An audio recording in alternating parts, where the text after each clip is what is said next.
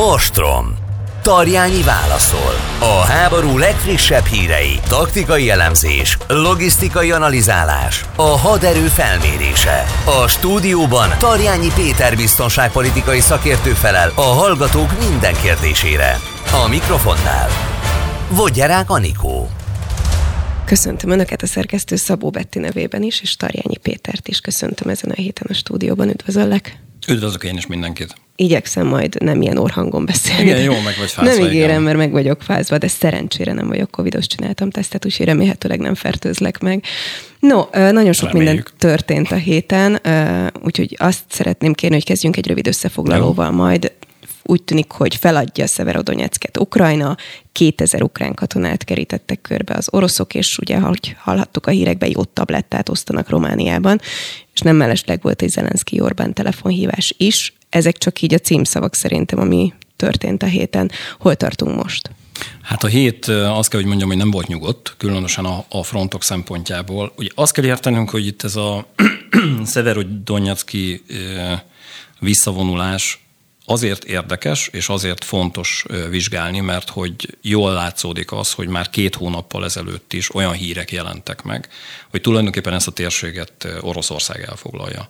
Volt is egyébként, hogyha a hallgatók emlékeznek, mi is beszélgettünk egyébként erről, hogy az ukrán hadseregnek volt olyan gondolat, hogy visszavonulnak ebből a térségből, aztán mégis úgy döntöttek, hogy tartják ezeket az állásokat. És én azt gondolom, hogy azért érdemes erről beszélgetnünk, mert hogy ténylegesen az ukrán hadsereg olyan szinten tartotta, és még egyébként most is harcolnak Szeverodonyászben, hogy két hónapig voltak képesek lassítani Oroszországot. És erről még beszélgettünk már, és szerintem a hallgatók is ezt most már szinte fejből tudják, hogy a háború egyik legfontosabb tényezője az idő tényező.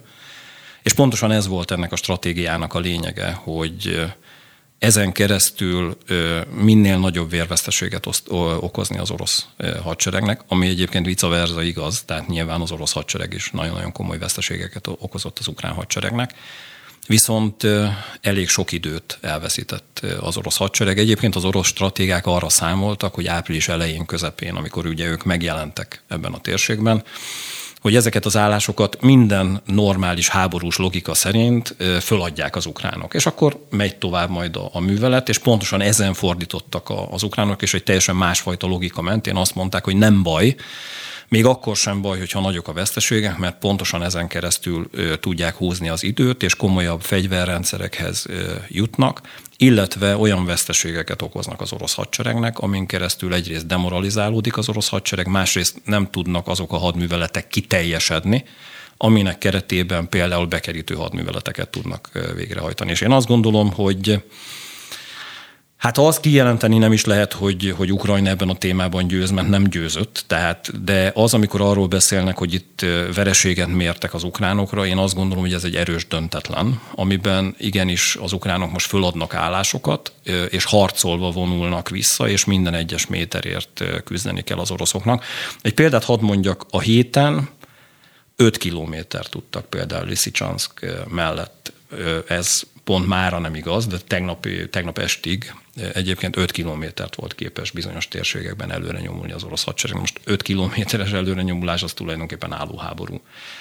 És ezt a fajta stratégiát követi Ukrajna, amiben azt kell látni, hogy Oroszország egyre komolyabb erőforrásokat kell, hogy mozgósítson. A hétnek egyébként egy nagyon fontos ilyen háttérinformációja volt az, hogy a fehér orosz elnökkel, Lukasenkával egyeztetett az orosz elnök, Putyin elnök. Ugye két napot töltöttek, töltenek, most azt nem tudom, hogy még együtt vannak-e, aminek keretében egyébként már az kiszivárgott, hogy a fehér orosz hadsereg tartalékait szeretné valahogyan Oroszország elkérni. Ami egyik oldalról rossz, mert hogy nyilván, hogyha utánpótláshoz jut az orosz hadsereg, akkor erősebb offenzívát tud indítani. Viszont ami jó, ugye én folyamatosan tartottam attól, hogy Fehér Oroszország irányából indul egy támadás, hogyha a Fehér Orosz katonai tartalékokat Oroszország elviszi, elkéri, most ezt idézőjelbe. Nyilvánvalóan ez azt is jelenti, hogy a Fehér Oroszország oldaláról ilyenfajta nyílt katonai támadástól akkor nem kell tartanunk. Tehát, hogy ez is egy, ez is egy fontos eseménye volt a hétnek. A másik nagyon fontos eseménye a hétnek a NATO-hoz kapcsolódóan lelepleződött az, hogy Törökország miként gondolkodik egyáltalán ennek a NATO csatlakozás kérdéskörnek a, a kapcsán. Ugye az van, hogy nagyon komoly, és ez biztonságpolitikai szempontból ugye nem Ukrajna és Oroszország háborújához kapcsolódik, de hogy minden mindennel összefügg. Azonnal érzékelte a török vezetés azt, hogy most lehetősége van a kurdokkal való leszámolásra Észak-Irakban, illetve Észak-Szíriában mert hogy mindenki, ugye a NATO ellenezte eddig ezeket a hadműveleteket, amit ott Törökország folytatott, viszont Erdogan elnök tulajdonképpen azt kezdte el felvezetni, és ez a hét híre ilyen szempontból, hogy Törökország végrehajtja ezeket a hadműveleteket, és nyilvánvalóan azt fogja kérni, hogy ezt fogadja el a NATO. És én azt gondolom, hogy el fogja majd fogadni a NATO, hiszen azt szeretné a NATO, hogy Svédország és Finnország kapcsán ne legyen vétója Törökországnak, amit ilyen szempontból kihasznál. Törökország, és azokat a félbehagyott hadműveleteit, leszámolásait, tehát ezt is merem jelenteni, akarja végrehajtani ennek a háborúnak az árnyékába, pontosan azért, mert tudja, hogy kérhet ebben a témakörben. A másik nagyon fontos rész megint csak Törökországhoz kapcsolódik, hogy Törökország folyamatosan tárgyal abban, hogy a gabona szállítmányok el tudjanak indulni. Ennek a szárazföldi mozgatása ö, valamilyen szinten nagyobb hatékonysággal megszerveződött az elmúlt 5-7 napban, de még ez még mindig nem olyan szintű, hogy egyébként ki tudná cserélni adott esetben azokat a hajó, ö, hajón történő szállításokat, ami egyébként kellene ebben a térségben. Az viszont elmondható, hogy az orosz haditengerészet az északnyugati, tehát a Fekete-tenger északnyugati részéből visszaszorult és Szevasztopol irányába visszavonult. De ez még nem elegendő ahhoz, hogy ezek a hajók el tudjanak indulni abból a térségből. És hát a hét másik nagy híre, és azt gondolom, hogy erről érdemes majd bővebben beszélnünk, hogy, hogy Kína és Oroszország között valami olyan fajta gazdasági együttműködés körvonalazódik, aminek nagyon komoly hatásai vannak a tekintetben, hogyha itt egy hosszú háborúról beszélünk, hogy, hogy körvonalazódik az, hogy adott esetben Kína abszolút stratégiai partnere lenne Oroszországnak a nyugattal szemben, nem katonai szempontból, hanem gazdasági szempontból, de azt kell megértenünk, hogy ha gazdasági szempontból segíti Oroszországot egy háborúban, akkor ez mindenkinek rossz. Tehát igazán itt tartunk, különböző fegyverrendszerek érkeztek az Egyesült Államok oldaláról is ugye korszerű ezek, ezek a HIMARS rendszerek, amelyekkel nagyobb távolságból tudnak csapásokat mérni az ukránok. Mm, ezzel kapcsolatban ugye itt többen mondták, hogy, hogy a kiképzés hosszú-hosszú hónapokat vesz igénybe. Ehhez képest tulajdonképpen a bejelentéstől számítva három hét alatt a fegyverrendszer megérkezett. Tegnapi nap folyamán délelőtt, és éjszaka már csapásokat ismert az orosz hadseregre. Ezek egyébként méretünknél fogva és technikai felszereltségünknél fogva komoly eszközrendszerek, ilyen eszközrendszerekkel, tehát ilyen szintű tudással bíró eszközrendszerrel Oroszország nem rendelkezik, viszont nem érkezett még annyi, tehát négy darabról beszélünk, tehát hogy egy ilyen félüteg, vagy nem is tudom, hogy hogy mondjam, mert egy hat, hat ilyen eszköz az képez egy üteget. Négy ilyen eszköz érkezett, be is vetették az ukránok, hogyha az elkövetkező időszakban több érkezik az Egyesült Államok, illetve Nagy-Britannia részéről. Én azt gondolom, hogy azt a hatást nem éri el, hogy ezzel döntő csapást mérjenek az oroszokra, de egy kicsit az a fajta tüzérségi fölény, ami Oroszország javára billent eddig, azt ellensúlyozni tudják az ukránok. Azt említetted, hogy próbálja kikerülni azt Ukrajna, vagy hát az ukránok, hogy körbekerítsék őket, ehhez képest a hét egyik híre az volt, hogy az orosz védelmi minisztérium szóvivője bejelentette, hogy 2000 ukrán katonát és mindenféle eszközt sikerült nekik körbekeríteni.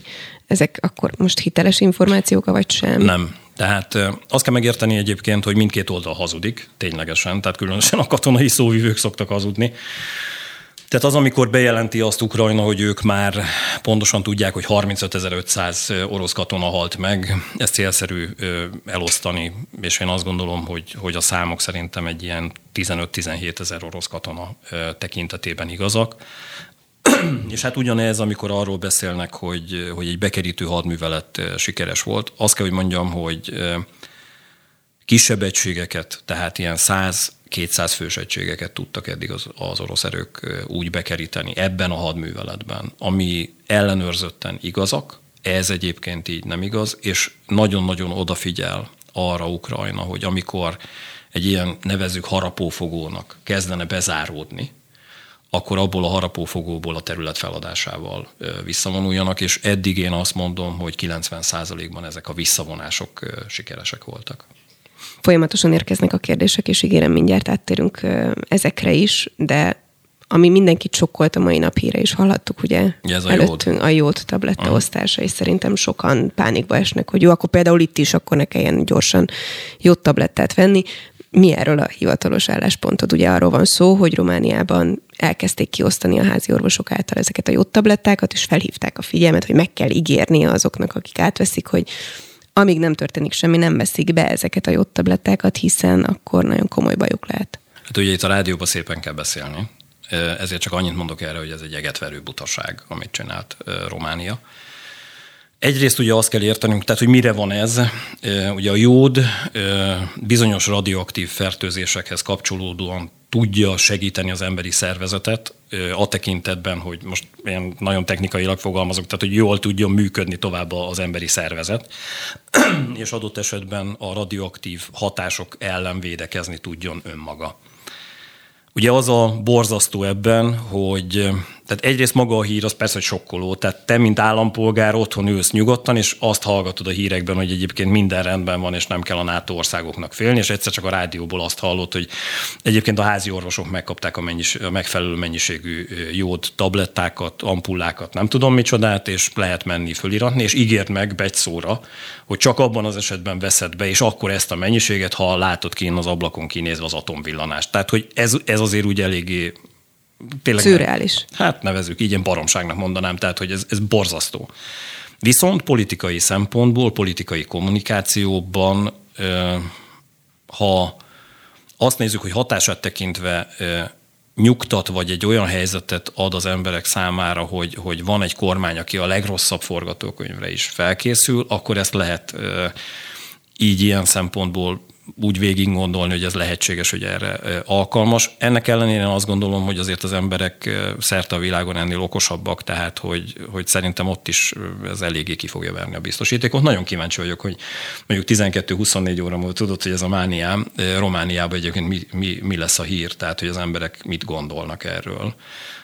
És hát például az erdélyi magyarok is mit gondolnak erről, hogy, hogy ilyen döntést hozott a román kormány. Azt szeretném elmondani, hogy nincs olyan helyzet most, amihez kapcsolódóan ilyenfajta eszközök kiosztására, erről való beszélgetésre, egyáltalán ebben a műsorban is például, most nyilván ezen kívül szükségünk lenne. Tehát, hogy ilyen szempontból nincs baj. Hol tartunk akkor a lépcsőfokon ja, százalékokban? Tudom. Ezt át szoktuk beszélni azoknak, mondom, akik esetleg mostanában csatlakoznak be, hogy ugye atomháború fenyegetés, az többször előkerült orosz részről, és volt már olyan hónapokkal ezelőtt, hogy mondjuk 60%-ra tett az esélyt, hogy pipálgatják az oroszok ezt a bizonyos listát, ami oda vezethet. Aztán legutóbb, mikor beszéltünk, talán már 40 és 20%-nál tartottunk. Így van, és én most azt mondom, hogy 20 és 30 százalék. Tehát, hogy azt a fajta, és hogy értsék a hallgatók, tehát, hogy ez a lista, ez arról nem, a, nem az atomfegyver bevetése, hanem ahhoz kapcsolódóan, hogy az a vészforgatókönyv, ami realizálja, elindítja ezeket a folyamatokat, annak van egy figyelmeztető listája. És a figyelmeztető listában folyamatosan kommunikál Oroszország, egyébként a héten is volt ilyenfajta kommunikáció, és ennek a kommunikációnak vagyunk a 20-30 százalékánál, tehát ez azt jelenti nagyjából, hogy időnként az orosz szóvivő, akár katonai, vagy akár a Krem szóvivője szóba hozza azt, hogy jól gondolja mindenki végig azt, hogy bármilyen fajta támogatást nyújt Ukrajnának, amivel, vagy amin keresztül Ukrajna közvetlenül tudja Oroszországot támadni, mert egyébként Oroszország atomhatalom, és innentől kezdve, ha az orosz területeket valamilyen fenyegetés vagy támadás éri, akkor bevetik a taktikai atomfegyvereket. Tehát itt tartunk, ez 20-20 százalék. 20-25. No, akkor térjünk rá a kérdésekre. Jó. A hallgató azt olvasta, hogy már csak 15 kilométer kell a harapófogó bezárulásához. Ezt tudjuk, hogy mire gondol a hallgató meg? Hát mely, melyik, melyik harapófogó? Tehát ugye több, több területen, tehát ugye a front az mozog. A Severodonetszki, Liszicsanszki területen én azt gondolom, hogy az elkövetkező, és azért, azért nem semmi, most ilyen magyar talanul fogalmazok, az, amit az ukrán haderő tett az elmúlt hetekben, mert bő két vagy három hete egyébként pont így zártuk, hogy, hogy én azt mondtam, hogy aznap estére én, én valószínűsítem, hogy a város elesik. Ehhez képest eltelt két vagy három hét, és most tartanak itt az ukránok. Nyilvánvalóan az ott lévő erőket szeretnék az oroszok bekeríteni, ezt érti gondolom a hallgató egyfajta harapófogónak, de hát több hír volt ma, és egyébként ezt le is nyilatkozta Ukrajna több katonai és nemzetbiztonsági szóvivője is, hogy nem fogják ezt engedni.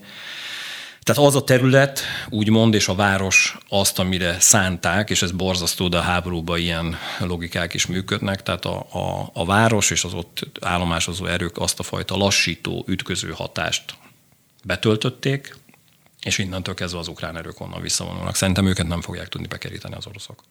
Többen kérdezték, és adás előtt mi is beszéltük, hogy fontos, hogy beszéljünk a litvániai, a kaliningrádi helyzetről, illetve majd arról a bizonyos Szuvalki folyosóról, hogy ennek milyen stratégiai jelentősége van. Kaliningrádról azt kell tudni, hogy tulajdonképpen Oroszországnak egy olyan területe, egy olyan felségterülete, ami egyébként az anyaországgal közvetlen szárazföldi összeköttetésben nincs. Tehát tengeren és légi úton lehet azt a területet ellátni. És egyébként ez a fajta ö, bázis, város, ö, itt megközelítőleg egy millió ember él, ö, mindig is kiemelt figyelmet szentelt Oroszország haditengerészeti és szárazföldi erő szempontjából is, hogy, hogy egy hihetetlen nagy erőt állomásoztasson ezen a területen. Tulajdonképpen a balti tengeri flotta, tehát az orosz balti flottának az egyik fő állomáshelye egyébként Kaliningrád. És hát eh, vannak olyan információk is, hogy eh, ezen a területen egyébként például Oroszország bár nem vallja be, de egyébként atomfegyvereket is eh, állomásoztat. Emellett szárazföldi erők szempontjából is tulajdonképpen ugye a két határország, Lengyelország és Litvániát, hogyha nézzük, a két országot, és Litvánia mellett egyébként Lettországot és Észtországot is. Ez az orosz logika, és bocsánat, most ez egy kicsit ilyen nagypapás mesélés lesz, de, de ez mindig is jellemző volt egyébként az orosz és a szovjet hadvezetésre. Tehát egy történelmi példát hadd mondjak. Magyarországon volt ugye annak idején a szovjet dél hadseregcsoport. A szovjet délhadseregcsoportban akkora erő állomásozott, ami egyébként létszámát tekintve megegyezett Magyarország, Románia, Jugoszlávia és Bulgária haderejével. Kaliningrádban akkor erőt állomásoztat Oroszország, amin keresztül Lengyelország, Litvánia, Észtország és Lettország haderejét lekötni és blokkolni képesek. Tehát, hogy ez egy, ez egy orosz katonai logika. És ezt nyilvánvalóan a környező országok tudják, ettől kellőképpen egyébként idegesek is. Másrészt egyébként a NATO is tudja, és pontosan tudja azt, hogy itt egy olyan fajta erődről beszélünk, tehát egy város erődről, tehát egy óriási területről beszélünk, amit katonai szempontból figyelembe kell venni. És van ez a Szuvalki folyosó, ami, ami nem, egy, nem egy folyosó, tehát nem egy koridort kell elképzelni. Ez egy 60-70 kilométeres határszakasz, ami egy egyébként egy eléggé nehezen átjárható terület. Litvánia és Lengyelország között. Ez az a terület, ahol Lengyelország és Litvánia, tehát a balti államok tulajdonképpen szárazföldi szempontból kapcsolódnak egymáshoz földrajzilag. Sokan azt mondják egyébként, hogy itt egyáltalán nincsen semmifajta szárazföldi út. Hát azt tudnunk kell, hogy minden határszakaszon vannak olyan fajta felvonulási területek, minden ország, tehát annak idején például Magyarország is, és Magyarország mostani határa is úgy van, hogy egyébként nyilván nem autópálya megy a közvetlen határ mellett, de egyébként egy páncélzott szállító harci járművel, harckocsival, terepjárókkal el lehet ott menni. És ebben a, a litván-lengyel határon lévő Szuvalki folyosóban is egyébként ilyen eszközökkel, tehát terepjárókkal, katonai eszközökkel azért el lehet menni. És Fehér Oroszország van, tehát közvetlenül ott a, a határnál, és a doktrinák mentén a NATO mindig is tartott attól, hogy ezt a 60 kilométeres sávot, tehát ezt a folyosót, ezt a Szuvalki folyosót, egy háborús helyzetben adott esetben Oroszország Fehér Oroszországon keresztül megindulva elfoglalja, amin keresztül két dolgot ér el. Egyrészt Kaliningrádnak akkor van szárazföldi összeköttetése, hogyha erre képesek. Másrészt egyszerű földrajz, tehát hogyha a hallgatók ránéznek a térképre, ebben a pillanatban a balti országokat elválasztották szárazföldi szempontból teljes egészében Európától. És hát ugye a, a probléma az az, hogy Litvánia a héten több olyan szankcióhoz kapcsolódó lépés mentén megtiltott különböző szállítmányok érkezését Kaliningrádba, amitől idegesek lettek az oroszok Egyrészt azért, mert ahogy előbb fogalmaztam, Kaliningrádnak nincsen közvetlen szárazföldi útvonal. Magyarán, hogyha Moszkvából oda akarnak küldeni valamit, vasúton, teher, tehergépjárműveken keresztül, az vagy Lengyelországon keresztül, vagy Litvánián keresztül kell, hogy megérkezzen. Ugye a litvánok azt mondták, hogy a szankciókhoz kapcsolódóan ők nem veszik figyelembe azt, ami a kereskedelemről szóló törvényekben, tehát a nemzetközi törvényekben, most ilyen nagyon egyszerűen fogalmazok, megfogalmazódnak, mert hogy egy háborús helyzet van, és a háborús helyzetben ezek a kereskedet általános, normál élethez szabott kereskedelmi törvények fölülírhatók, és ilyen szempontból Kaliningrádnak az ellátását ők próbálják akadályozni. Ugye ennek van vicces része, tehát a szankciókban, tehát hogy a litvánok itt megléptek, tehát hogy nem lehet luxus terepjárónak érkeznie mondjuk Kaliningrádba, tehát mondjuk ezek pont nem érdeklik annyira az oroszokat. De nyilván ö, utánpótláshoz kapcsolódó élelem, ö, ö, olaj, gáz, ö, vagy adott esetben katonai fegyverek, vagy ahhoz kapcsolódó muníció, hogy nem tud Kaliningrádba érkezni, ez nyilván őket zavarja. És ö, Pontosan emiatt fogalmazta meg az orosz vezetés, hogy a legkeményebb lépésekre is felkészülnek a tekintetben, hogy Litvániát kijózanítsák ennek a témának a kapcsán. Ez mit jelent? Hát ez az, amit még nem tudunk. Én azt gondolom, és akkor itt most a, tehát hogy mondjam, hogy mit akar Oroszország, azt nem tudom. A véleményemet tudom elmondani. Fel kell készülnie Litvániának arra, hogy egy olyan nyomásgyakorláson keresztül, amiben például a cyber hadviseléshez kapcsolódóan támadások abszolút beleférnek. Egyébként Litvánia állt már orosz hacker támadások alatt, sőt volt olyan, amikor a teljes litván kormányzatnak az összes informatikai rendszere lehalt. Tehát ilyen támadásokat és ilyen nyomásgyakorlást abszolút el tudok képzelni Oroszország részéről, de nyílt fegyveres konfrontációt nem. Tehát itt megint ugye többen felvázolták és vizionálták, hogy puff, na itt van és kitört a harmadik világháború, nem tört ki a harmadik világháború. Fehér Oroszországon keresztül kéne menni az orosz haderőnek, és egyébként, hogyha Litvánia ellen nyílt katonai konfliktusban föllépne Oroszország, az automatikusan a, a NATO-val való szembenállást jelenteni, és ezt nem fogja Oroszország végrehajtani, viszont minden mást, ami a kommunikációban és az informatikai hadviselésben benne van, én azt gondolom nyomásgyakorlási oldalról szerepeltetni fogja. Na, menjünk tovább akkor a kérdésekkel valóban bevetheti Oroszország ősszel sátán nevű fegyverét, illetve milyen célú az ezzel kapcsolatos kommunikáció? Egyáltalán mi ez a sátán, kérdezem én? Ez egy hiperszónikus fegyver, rakétafegyverrendszer, ami azt jelenti, hogy a hangsebesség 7-10-szeresével képes repülni, és nem csak az a probléma ezzel a, a, a rendszerrel, hogy egy, ekkora sebességre képes, bocsánat, hanem képes eközben még manőverezni is. Ugye azt kell érteni, most nagyon, fú, próbálom nagyon gyorsan és egyszerűen elmagyarázni, tehát az, az általános támadó rakétarendszerek A pontból B pontba jutása közben egy egyszerű röppáját, egy balisztikus röppáját követnek. Ezek alól kivételek a robotrepülőgépek, a manőverező robotrepülőgépek, amelyek általában nem képesek a hangsebességet átlépni. Ilyenek például a Tomahawk amerikai robotrepülőgépek, amelyek a hangsebesség alatt 7-800 km per órás sebességgel mennek, és a lassúságukhoz kapcsolódóan azért is tervezték őket manőverezhetőnek, hogy ne lehessen őket annyira könnyen lelőni, hiszen ha valami lassú, azt ugye föl lehet fedezni, és arra lehet reagálni a légvédelemnek. Ha valami gyors, arra nehéz reagálni, viszont az, azok az általános rakétarendszerek, amelyek gyorsak, nem ennyire gyorsak egyébként, mint ez a Sarmat rendszer, itt is azért olyan fajta fejlesztések voltak az elmúlt 30-50 évben, hogy ezt a fajta egyszerű röppályát figyelembe véve, a röppálya végén, mivel ugye egyszerű a röppályája, tudják lelőni ezeket a, a rakétaeszközöket. Na ezt kombinálták össze az oroszok az elmúlt években. Hogy De ezt csak mondták, hogy van ilyen, vagy ez egy létező? Ez létező ez létező. És akkor itt ezt majd, majd különítsük el, de befejezem itt ezt a gyors ezért, kis előadást, hogy ugye ezt a két rendszer, tehát a gyorsaságot, tehát ez a 7-10-szeres hangsebesség, és a manőverező képességet kombinálták. És azt mondják, és ezt látták is, tehát ez bizonyítható, mert hogy több manőverezés közbeni tesztet sikerült amerikai műholdaknak felvenniük, amiben ténylegesen ez ennyire gyors, az, hogy 7-10-szeres azért az nem mindegy, de akkor is nagyon gyors. És tényleg manőverezik.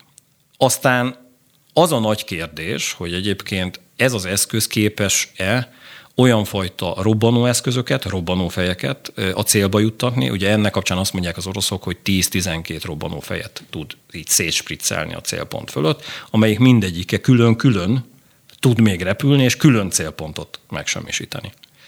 Na itt van azért már egy kicsit, nem azt mondom, hogy a fantasztikus film kategóriája, mert ilyen eszközök léteznek, de ezt még nem látta a világ, ne is lássuk, főleg nem működés közben, de ezzel kapcsolatban teszteredményeket még nem sikerült hírszerzési szempontból beszerezni. És hát az, amit tudunk, hogy a Balti-tengeren és a Jeges-tengeren is voltak ilyen tesztek, amelyek nem nagyon sikerültek jól. Tehát olyannyira nem sikerültek jól, hogy volt olyan teszt, ahol effektíve robbanás történt, és meghaltak orosz tengerészek. És itt mondom a nyugtató rész. Tehát a nem nyugtató rész az, amit eddig mondtam, tehát hogy a rendszer létezik, csak, és akkor itt megint ezt tegyük tisztába. Ez ugyanaz, mint amikor van egy, egy fegyverrendszernek egy kísérleti része, és utána azt bejelenti egy politikus, hogy ezt a fegyverrendszert január 1-ével beépítettük. Ez azt jelenti, és ezt így kell lefordítani a katonai nyelvezetre, hogy elkezdődik a munka, és adott esetben ez egy 5-10 éves folyamat, aminek keretében ez a fegyverrendszer majd beépül az orosz hadsereg fegyverrendszerei közé, de ez biztos, hogy nem fog január 1 Tehát egy-egy indításra képes már most is Oroszország, de az, hogy ez rendszer szinten egész Oroszország, tehát a csendes óceántól Európáig bárhol megtegye, erre egyelőre még nem, és erre egyébként januárban sem lesz képes. Ez még legalább, most a háború mindent fölgyorsít, én azt mondom, hogy legalább két-három év. Igen, pont ez lett volna a kérdésem, hogy háborús helyzetben gondolom ezek azért felgyorsulnak. Felgyorsulnak, de, de, de figyelj, nem annyira. Igen, tehát hogy mindennek ideje van. Tehát hogy szokták mondani a mérnökök, hogy a betonnak is megvan az ideje, míg megköt. Tehát, hogy ezt se lehet nagyon-nagyon gyorsítani. Nyilván ezeket a technológiákat ö, ö, kikísérletezték, megvannak az első teszteredmények, az első gyártások megtörténtek. Az, hogy valami sorozatgyártásba kerüljön, és itt van egyébként, és itt vitatkozom az összes szakértővel, aki itthon azt mondja, hogy a szankciók feleslegesek pont ilyenfajta nagyon-nagyon bonyolult számítógépes rendszerek, vezérlőrendszerek, mikrocsipes rendszerekhez kapcsolódóan kellettek ezek a szankciók, mert egyébként egy rendszerbeállításhoz kapcsolódóan több száz ilyen, ilyenfajta rakétával kellene, hogy rendelkezzen Oroszország, és mivel ezekkel a technológiákkal nem rendelkezik, emiatt ezt a fajta gyártást ilyen gyorsan, mint hogyha lenne, és nem lett volna szankció, nem fogja tudni végrehajtani. Ezért aggódom egyébként például, amikor Kínával egyeztetnek mert ha Kína ad egy ilyenfajta technológiai segítséget, például a vezérlőrendszerekhez kapcsolódóan, ez tudja gyorsítani ezeknek a rendszereknek és ennek a szármatrendszernek a rendszerbeállítását és sorozatgyártását. Tehát ezért mondom, hogy az egyik legfontosabb tényező a háborúban az idő hogy mennyi idő van adott esetben egy fegyverrendszer tesztelésére, mennyi idő van adott esetben egy sorozatgyártásra, ezt mind-mind-mind-mind látjuk, és ezek azok a pontok, amiket figyelnünk kell ahhoz kapcsolódóan, hogy idegesek legyünk, vagy megnyugodjunk. Én azt mondom, hogy ez a sátán nevű rakétarendszerhez kapcsolódóan ezért mondom, hogy egyelőre nyugodjunk meg. Azt kérdezi a hallgató, hogy mit jelent a gyakorlatban Észak-Korea kommunikációja Oroszország támogatásáról, és akkor majd ennek kapcsán léphetünk tovább Kínára is. Fegyveres szempontból Észak-Korea nem tud olyan fegyvereket adni Oroszországnak, amivel tevőlegesen segíteni e, tudná. Atomfegyverek tekintetében sem, mert atomfegyverekben is messze-messze előrébb jár e, Oroszország. A nyomás gyakorlásban viszont igen. Tehát e, az a rossz egy háborús helyzetben, amikor minél jobban eszkalálódik egy helyzet, tehát minél több ország sodródik bele ebbe a válságba. És azt kell, hogy mondjam, hogy ilyen szempontból az elmúlt hónapok, hetek, napok, órák egyre inkább azt mutatják, hogy egyébként a, a világ sodródik ebbe a válságba egyre mélyebben. Most akár az élelmiszerválság kapcsán, az élelmiszerválsághoz kapcsolódóan már Dél-Amerikában is vannak problémák, és nem csak Észak-Afrikában. Tehát, hogy egyre szélesebb, olyan, mintha egy járvány lenne, most nem tudok más példát mondani.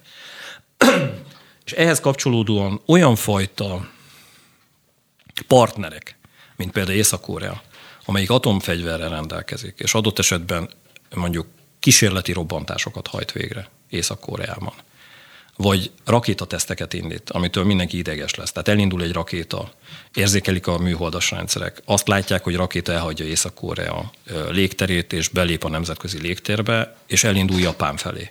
Nem tudni, hogy azon a rakétán van atomfegyver, vagy nincs atomfegyver. Hagyományos rakéta, magyarán tehát egy átlagos, idézőjelben rakéta, vagy robbanófej van rajta, vagy valami tömegpusztító fegyver robbanófeje. Majd egyszer csak repül 7-8 percet, és irányt vált, és beleesik a tengerbe. Ugye rendszeresen ezt csinálja Észak-Korea.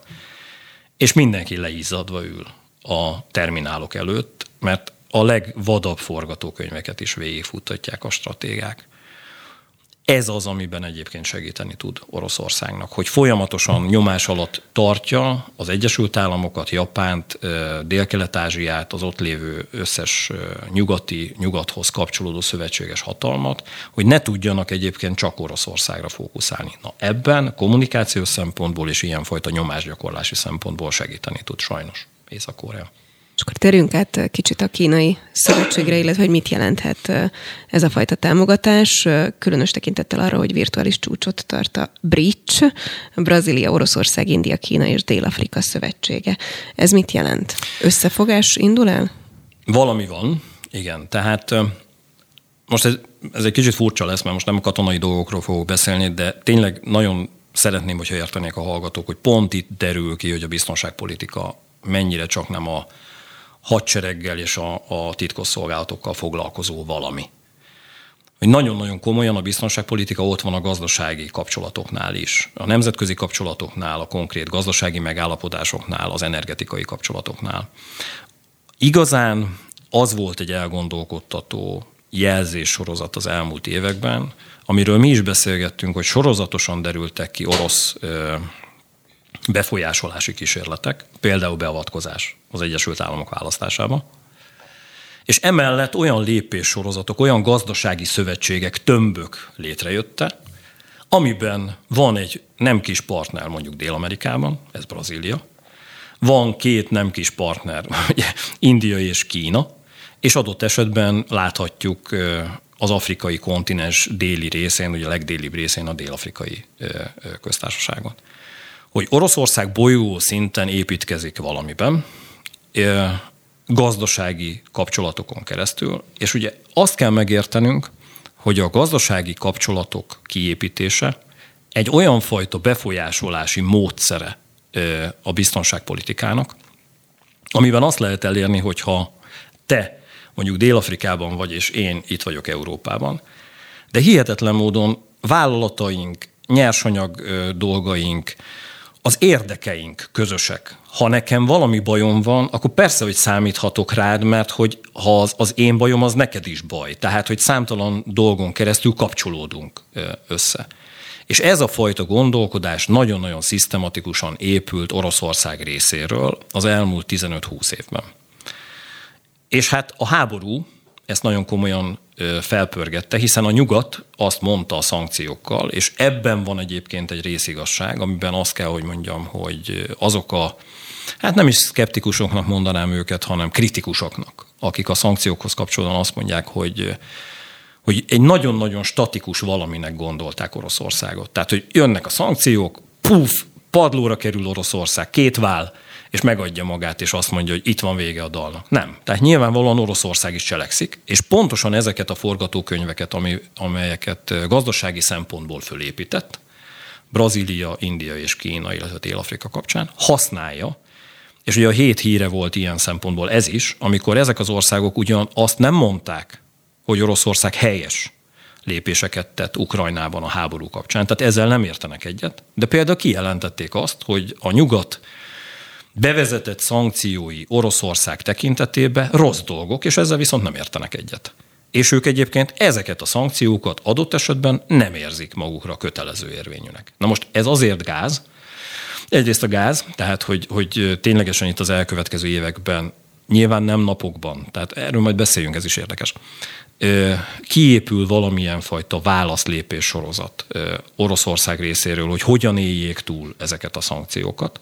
Másrészt egyébként ezek az országok, ha baj van, tudják segíteni Oroszországot. Vagy úgy, hogy vásárolnak tőle, vagy úgy, hogy ők adnak el bizonyos technológiákat, mint amire például előbb céloztam, hogy ilyenfajta vezérlési technológiák, amelyek nagyon-nagyon hiányoznak az orosz hadigazdaságban. Ha mondjuk India és Kína lép ilyen tekintetben és segíti Oroszországot, az nem lesz jó. És egyébként, hogy mennyire forró a téma, hogy hogy pont nézted ugye a híreket, tehát ugye ment itt a hírek, és én pont néztem a, a, a telefonomat. Ugye Indiát már figyelmeztette is ennek kapcsán az Egyesült Államok, hogy ez így nem lesz jó, és India egyébként már el, el is kezdett az elmúlt mit, egy órában, két órában kifarolni ebből a történetből, hogy jó, jó, jó, tehát a gazdasági történetekben együtt működünk, de egyébként katonai technológia nem elképzelhető, hogy Oroszország részére átadásra se kerüljön, vagy Oroszországot segítség. Tehát ennyire nagyon-nagyon forró ez az egész téma, és ezért van az, hogy itt minden mindennel összefügg, ezt nem először mondom. Volt fontos ez a hír, aminek tekintetében most nagyon-nagyon oda kell figyelnünk, hogy mi fog történni ezeknél az országoknál, és milyen lépések indulnak el. És itt szeretnék még egyet reagálni, hogyha engeded. Az elmúlt napokban itt Magyarországon folyamatosan hol az volt, hogy a szankciók térdre kényszerítik ugye Oroszországot, amit előbb mondtam, két vál, tehát hogy padlón vannak az oroszok, jelentem nincsenek.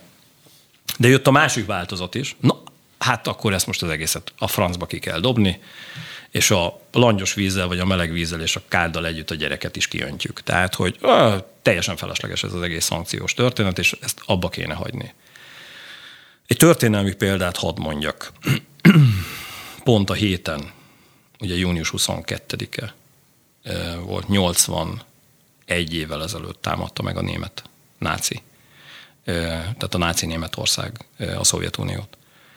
Ha megnézzük az ottani időket, a szovjet hadsereg folyamatosan vonult vissza, pokoli veszteségeket szenvedett el. Az Egyesült Államoktól, Nagy-Britanniától kért segítséget gazdasági szempontból. A gazdasági segítség az tulajdonképpen számottevően 1942 környékén tudott jól elindulni. És csúcsra járatva 14-15 hónap alatt lett. Tehát, hogy itt mindennek ideje van. Tehát amikor valahogy a világunk hozzászokott ahhoz, hogy mint a filmekben, tudod? Tehát, hogy 100 perces egy film, van a probléma, kitört a háború. A 30. percig vesztésre állunk, és akkor onnantól kezdve a 60. percnél már úgy van, hogy valami megoldás körvonalazódik, és a 90. percben ott a happy end győztünk. Na, nem ilyen a világunk. Mindennek ideje van, és itt is ideje van annak, hogy egyrészt, és ezért nyernek időt az ukránok. Tehát ezt a fajta párhuzamot szeretném, hogyha megértenék a hallgatók, hogy ezért fontos az időnyerés. Mert az időnyerés mentén tudnak azok a szállítmányok megérkezni, amivel ők harcolni tudnak, és tudnak ezek a szankciók fájni Oroszországnak. És egyébként itt van, amivel kapcsolatban rossz hírem van, és ez, amiben egy kicsit félretájékoztatott itthon is a, a média, és a szakértők is, hogy ténylegesen azt gondolták az emberek, hogy ja, mennek a szankciók, és a szankcióknak nincs visszaütő hatása. Tehát, hogy nekünk minden ugyanúgy fog menni az életünkben, rossz hírem van, nem. És minél tovább tart ez a háború, annál inkább meg fog változni az életünk, és annál inkább hozzá kell szoknunk ahhoz, hogy egy ilyenfajta helyzetben végig kell gondolnunk, hogy az a világ, amit eddig éltünk, amiben ténylegesen elhihettük azt, hogy hát van egy szerződésünk Oroszországban, van egy papír, akkor minden rendben van. Hogy ezek felülíródtak. Hogy, hogy Európának például a gázszállítások kapcsán új lelőhelyeket kell keresnie hogy meg kell oldani a saját magának az energetikai ellátását. És ha ezeket így megértjük, akkor én azt gondolom, hogy a helyén fogjuk ezt az egész problémakört kezelni. Bocsánat, ha hosszabb voltam sokan türelmetlenek vagyunk, úgyhogy azért várjuk szerintem azt, hogy történjen valami hamar, hamar, Persze. hamar. No, vegyünk néhány kérdést, ha nem is villám, de viszonylag gyors jellege, hogy még a végén maradjon Jó. idő erről a ciprusi gázmezőkről beszélni, ami ugye Átkötés. most is, most is említettél, és múlt héten nem jutott rá idő, ígérem, most figyelem az időt. Szóval állítólag aknákkal szórják tele az oroszok a Fekete-tengeri kikötőket, ami ha. része lehet annak is, a hírek szerint, hogy ugye ott a gabona szállítmányokat blokkolják, csinálják. Ez igaz lehet, vagy nem, mert mindeközben ugye arról is szólnak hírek, hogy az, az oroszok azt mondják, hogy nem is mi csináljuk ezt, hanem az ukránok. Mind a ketten csinálják. A tengeri akna azért pokoli fegyver, mert hogy bárki használja, területeket és hajózási irányokat tud vele lezárni. Az ukránok azért használják a tengeri aknákat, mert hogy ezen keresztül tudják azt biztosítani, hogy azokat a területeket, ahol könnyebb partra szállni, ott az orosz haditengerészet hajói ne tudjanak megjelenni. Az oroszok azért szólják tele aknával a Fekete-tenger északnyugati térségét, hogy egyébként az ukrán hajók ne tudjanak működni, és adott esetben ne tudják őket támadni, vagy valamilyen fajta szállítási, bármilyen fajta ez lehet gabona, nyersanyag, akármihez kapcsolódó olyan fajta kapacitás és kereskedelmi tevékenységet folytatni, amin keresztül Ukrajna gazdasága jobb helyzetbe tud kerülni. Úgyhogy a rossz hírem az, hogy mind a kettő csinálja. Ezt elviekben, és itt, tehát hogy mondjam, a, a, a tankönyvet mondom, aztán utána mondom a valóságot. A tankönyvek szerint minden egyes ilyen tengeri aknamezőt feljegyeznek, és a ma világában egyébként a GPS-es, nem, nem tesznek rá egyébként ilyen GPS-es nyomkövetőt, vagy nagy többségére nem, de jelölik, hogy ezek a, az aknamezők és ezek az aknák hol vannak elhelyezve. Tehát ilyen szempontból, ha ezeket az aknamezőket szeretnék felszetni, akkor, akkor van esély, hogy nem azt mondom, hogy gyorsan, tehát ezt tényleg ne napok és hetek alatt képzeljék el a, a, a hallgatók, hanem adott esetben hónapok alatt lehet ezt megoldani. Az a gond, tehát ez a tankönyv. Csak ezeknek az aknáknak egy jó része eloldódik. Tehát le, leoldódik, ahol a rögzítő. És arrébb sétál a vízben. Hát arrébb sodródik. Tehát hihetetlen, de igaz, például az Atlanti óceánon a tavalyi évben is találtak első világháborús úszóaknát, amint még bő száz évvel ezelőtt raktak. És ez még működhet? Hát működhet. Ne próbáljuk ki. Ne. Ne, de, de adódhat olyan helyzet, hogy működik. Tehát második világháborús aknából még mindig van több. Tehát, és ezzel ez a probléma. Ezért volt olyan, erről már beszéltünk például, hogy a boszporuszi szorosban egyszer csak a török haditengerészet észrevett egy úszó aknát, tehát az valahol leoldódott.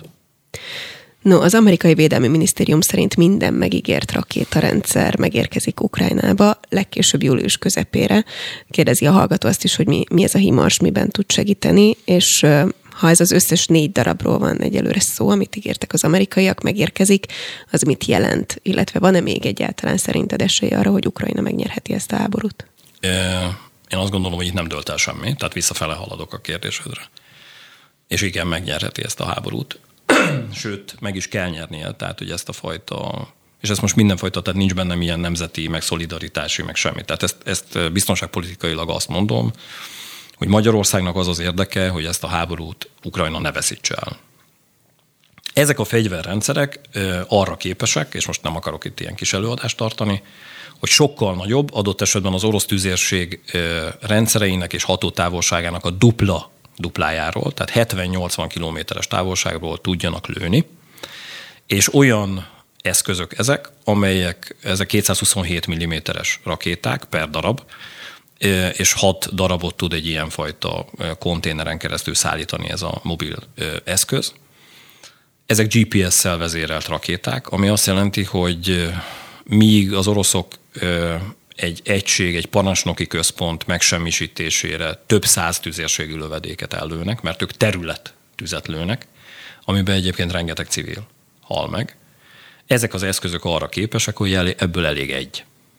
És ez az egy pontosan oda megy, ahova szánták, most én furcsán fogalmaztam. Nyilván ehhez szükséges az, hogy megfelelő, precíz, pontos információk legyenek orosz oldalról, hogy azok a támadható célok, azok hol vannak, meg legyen határozva precízen és pontosan, hogy hol van az az orosz parancsnoki központ, de ha ez az információ megvan, akkor olyan tüzérségi csapást tud mérni Ukrajna ezekkel az eszközökkel, amiket nem tud megelőzni és megsemmisíteni az orosz tüzérség. A tüzérségről beszéltem, az orosz légierőről nem, mert egyébként az orosz légierő meg tudja semmisíteni, tehát hogyha behatárolja az orosz légierő, hogy hol vannak ezek az amerikai fegyverrendszerek, amiket Ukrajna megkapott, akkor nyilván azokat le tudja bombázni. Ezért fontos emellett, és ezért mondja folyamatosan Zelenszky elnök és az ő nemzetbiztonsági tanácsadója is, hogy nem elég, hogy ezeket a rendszereket megkapják, hanem nagyon-nagyon fejlett légvédelmi rendszereket is kéne, hogy kapjanak. Mert például egyébként a Dombaszi, és Luhanszki térségben egyelőre még mindig orosz légifölény van. Ö, és hát a rossz hír az az, válaszolva a kérdésre, hogy ez a négy darab eszköz, ez nyilvánvalóan nem lesz elég, de ennél többet akar adni az Egyesült Államok és Nagy-Britannia is. Kérdés az, hogy ezek az eszközök mikor tudnak megérkezni. A kiképzést azért mm, mondom egy kicsit más szintnek, mert hogy Egyébként ebben is hihetetlen, hogy ez az eszköz mit tud, mert ennek az eszközrendszernek a kezeléséhez összvisz három ember kell. Tehát magyarán ennél a négy eszköznél 12 emberről beszélünk. Na most 12 embernek a villámgyors kiképzése, ugye három hét alatt, tehát ugye az történt, hogy bejelentette Biden elnök, hogy ezeket az eszközöket eljutatják Ukrajnába. Kiválasztották ezeket az eszközöket, az eszközöket felkészítették, tehát magyarán lebutították arra, hogy hogy ha orosz kézbe kerül, akkor nagy baj ne legyen belőle, és ez alatt a három hét alatt ki is képezték erre az ukránokat, leszállították ezeket az eszközöket, és tegnap dél vagy délelőtt megérkeztek, és ezek az eszközök éjjel már csapást mértek a, az oroszokra. De mondom, négy darab, most ez a egy fecske nem csinál nyarat, négy HIMARS nem fog háborút nyerni az ukránoknak. Ha több érkezik, akkor ki tudja egyenlíteni azt a tüzérségi fölényt, amivel most az oroszok rendelkeznek. Nem tudom, hogy a héten beszéltél a Holoda Attilával. Szoktad, őt, szoktad őt emlegetni, és többen kérdezték, hogy mi a véleményed az orosz gázcsapok elzárásáról, illetve akkor itt nagyon szépen hozzácsaphatjuk azt, hogy alternatív lehetőségként ott vannak a ciprusi gázmezők, és ezzel mi van? Jó. Azt gondolom, hogy és pont az eszkalálódás, és ezért tartom ezt egyébként egy súlyos ö, problémának, hogy sodródunk bele, és egyre több ország, egyre több érdek, az élelmiszer, az energetika, a háború, minden ö, megjelenik ebben a, a, a helyzetben, hogy, hogy Oroszország egyre inkább egy olyan helyzetet tud elképzelni, amiben megbünteti az Európai Uniót, és sarkosan fogalmazok, elzárja a gázcsapokat. Ennek keretében ezzel már egyébként számol, és már azt mondom, hogy nem is egyfajta vészforgatókönyvként, hanem egy ilyen reális forgatókönyvként Brüsszel és az Európai Unió összes országa, és ezért van az, hogy kiadták azt az utasítást, amiben arról beszélnek, hogy a gáztartalékokat október-november hónapig mindegyik Európai Uniós országnak fel kell töltenie 85-90 százalékra, tehát nem futhat úgy neki az Európai Unió egyetlen egy országa sem a télnek, hogy nem tud mivel fűteni. Ide bocsánat, betűzném azt, hogyha nem hallották a hallgatók azt a beszélgetésünket, amikor kapcsoltuk egyébként valóban igen, Holoda igen, Attilát, és ő így kvázi megnyugtatott minket, hogy Magyarországon is zajlik ezeknek a feltöltése, és igazából, hogyha nyár közepéig sikerül ezt megoldanunk, vagy nem lesz gond, és egyelőre nincs gond, akkor kvázi megvan a következő telünk, ami azért De... megnyugtató volt hallani. Igen, és, és itt beszéljenek megint a számok, annyira én nem szeretem a matematikán, nem vagyok jó benne, de, de erre odafigyeltem, és ez tényleg így van. Tehát nemzetbiztonsági és biztonságpolitikai szempontból az energetika egy nagyon-nagyon fontos terület. Elsősorban a számok oldaláról. Magyarország gáz felhasználása éves szinten megközelítőleg 9-10 milliárd köbméter. A magyar tárolókapacitás az 6,5 milliárd köbméter. Ha azt nézzük, hogy ténylegesen október-november hónapban ezeket a gáz tartalékokat fullba föl tudjuk tölteni, a kritikus időszak, tehát ugye mindig a tél a nehéz, akkor van a legnagyobb gáz felhasználás. Akkor igenis ezzel a 6-6,5 milliárd köbméterrel azért úgy nem kell nagyon cidriznünk. Ez az első lépés. A második lépés, ami egy ilyenfajta nadrág meghúzásnál, vagy nadrágszín meghúzásnál történik, amikor egyszerűen az van, hogy, hogy a lakossági gázfelhasználásnak prioritása van. Tehát az, hogy te otthon fáz, ez nem lehetséges. Viszont az, hogy mondjuk egy erőmű, ami gázt használt eddig, az térjen át, legyen szíves másra, ami egyébként a környezetvédőknek annyira nem fog tetszeni, mert mondjuk ez a másra való áttérés, ez lehet szén, meg leginkább szén. Németek is állítólag most Így fedezik fel újra a szénmezőket. Így van és ezzel megint csak időt lehet nyerni. És hát van a harmadik témakör, amit most itt pedzegetsz. Európának egyébként vannak gáztartalékai. Magyarországnak is van gáztartaléka. Ugye a magyar gáztartalékokkal, tehát ezekkel a palagázmezőkkel az a probléma, ezt kevesen tudják, hogy egyszerűen Magyarország különböző fúrási mélységeiben magasabb a hőmérséklet, tehát a talaj hőmérséklet, mint amire ezek az eszközök ki vannak találva. Tehát azok a palagázt kitermelő amerikai eszközök, amelyek mondjuk, most mondok butaságot, 300 méteren tökéletesen tudnak működni, vagy 1000 méteren tökéletesen tudnak működni, azok Magyarországon nem tudnak tökéletesen működni, mert egyszerűen Magyarországon 1000 méteren melegebb van, mint az Egyesült Államokban. Ez egy probléma. De vannak általános gázmezők. Norvégiában, az északi, Atlant, az északi tengeren, tehát az Atlanti óceánon, ugye Nagy-Britannia északi tengeri részein is. És hát amiről beszélgettünk már többször, vagy így fölvezetted, Ciprus mellett. Még én mindig elkanyarítalak. Igen. Van de, öt percet Ciprusról beszélni. De kevesebb is elég lesz most. Tehát igazán ez a három nagy gázmező olyan szintű, és csak, csak az eddig mért eredmények, tehát sokkal nagyobb a gázmező egyébként Ciprus mellett. Ez Ciprus, Törökország, Izrael közötti földközi, tehát ez földközi tenger keleti medencéjénél van, és az, amit eddig mérésekkel, tehát ami bizonyítottan és eddig fúrásokkal megmérték, ez megközelítőleg ezer milliárd köbméter gáz van ott, úgy, hogy egyébként nem azt mondom, hogy könnyen, de e, ki lehet termelni. Európa gáz felhasználása fullban az olyan 350-380 milliárd köbméter. Ha ezt összevetjük Norvégiával, az északi Atlanti térséggel, és azokkal, amikről tudunk, hogy ott van, de még nem lett fölmérve, vannak becslések, aminek tekintetében azt mondja az energetikai szakma, és ezen keresztül a biztonságpolitika, hogy ezt föltette kérdésként, hogy mennyi időre elég, amit ott látunk.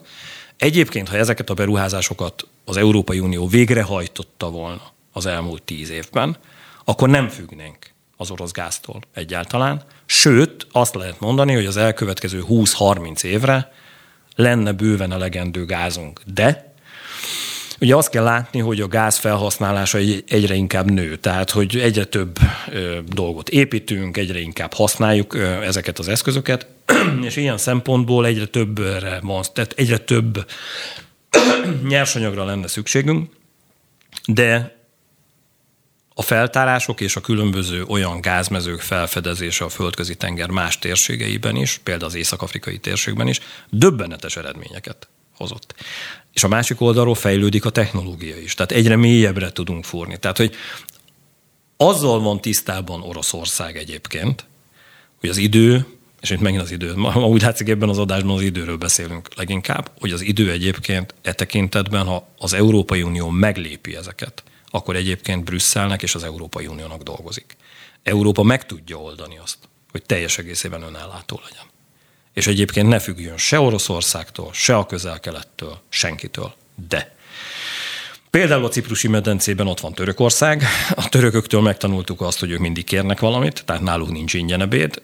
Nyilván ezért is van az, hogy például ezeket a fúrási eredményeket és ezeket a dolgokat bő 15 éve már tudja az Európai Unió. És képzeld el, hogy az elmúlt 15 évben effektíve nem tudott senki semmit csinálni ott. Mert hogy ott van Izrael, ott van Törökország, rengeteg érdek, biztonságpolitikai érdek, kereskedelmi érdek. Egyébként Ciprus miatt Törökország veszekszik Görögországgal, ugye tudod, hogy Ciprus északi részét megszállták annak idején rengeteg feszültség, és ami ugye ennél fontosabb, rengeteg érdek, mert hogy ez egy óriási bevétel tud abban a térségben lenni ezeknek az országoknak, és nyilván srófolják fel az árat. És ezzel vagyunk piszkosul elmaradva. Ha ebben történne egy kereskedelmi egyezmény, technológiai szempontból olyan mezőket találtak ott, hogy három-öt éven belül egyébként Norvégiával, és amit mondtam, Nagy-Britannia, illetve ez, megoldódna ez a probléma.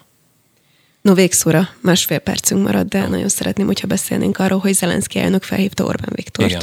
És, mint ahogy úgy tűnik, hogy ez egy ilyen körbe csak telefon lehetett, hogy így behúzza a strigulákat, hogy kik azok, akik támogatják az ő uniós lehetséges tagságát, illetve hát Orbán Viktor hangsúlyosan jelezte, ugye, hogy kiáll Ukrajna mellett, meg a menekültek befogadását is megköszönték. Milyen egy ilyen telefon? Hogy kell elképzelnünk? Kíváncsi vagyok a véleményedre. Ilyenkor nem kerül szóba, hogy te figyelj, és egyébként Putyinnal most még barisztok, vagy? Én azt gondolom, hogy mivel itt ez nagyon fontos volt az ukrán Nagyon elnöknek. feszült helyzetről beszélünk Igen, egyébként kettőjük közt. Szerintem most ő nagyon jó fiú volt. Tehát most ez neki nagyon-nagyon kellett ez az igen. Ugye ezt az igent megkapta Ukrajna. Ez nem is tetszik Oroszországnak, de ezen most lépjünk túl. És emiatt volt ez a beszélgetés, hogy egyrészt mindenkivel tudatosította, hogy nagyon-nagyon fontos az igen. És azért hívta első között Orbán Viktor, mert egyébként nyilván tudta, tudja azt, hogy Magyarország azért tud érdekesen viselkedni a háborúhoz kapcsolódóan, de megnyugtató volt olyan szempontból a válasz, hogy egyébként az, hogy Ukrajna ebben a helyzetben az EU felé és a nyugathoz tartozzon, és ilyen szempontból partnerünk, ez átmenjen információba, és egyébként megnyugtatta az ukrán elnököt a tekintetben a miniszterelnök, hogy, hogy nem lesz vétó, tehát hogy, hogy ebben a történetben minden, minden rendben lesz. Nyilván egyébként egy ilyen beszélgetésben mindig lehet kérni. Én azt gondolom kért is, tehát elsősorban a kárpátaljai magyarokhoz kapcsolódóan. De ez egy, ez egy nagyon precíz, és nagyon kérő beszélgetés volt, amiben én azt hiszem, hogy vita a két fél között biztos, hogy nem volt. Na ezzel zárjuk a mai adást, és akkor egy hét múlva folytatjuk. Köszönöm, hogy itt voltál. Köszönöm Szabó Betty szerkesztőnek köszönjük szépen a mai munkát, Csibi Fruzsinának is, illetve Bornemisza Lőrinc és Kátai Kristóf segített technikailag minket. Legyen nagyon szép hétvégéjük.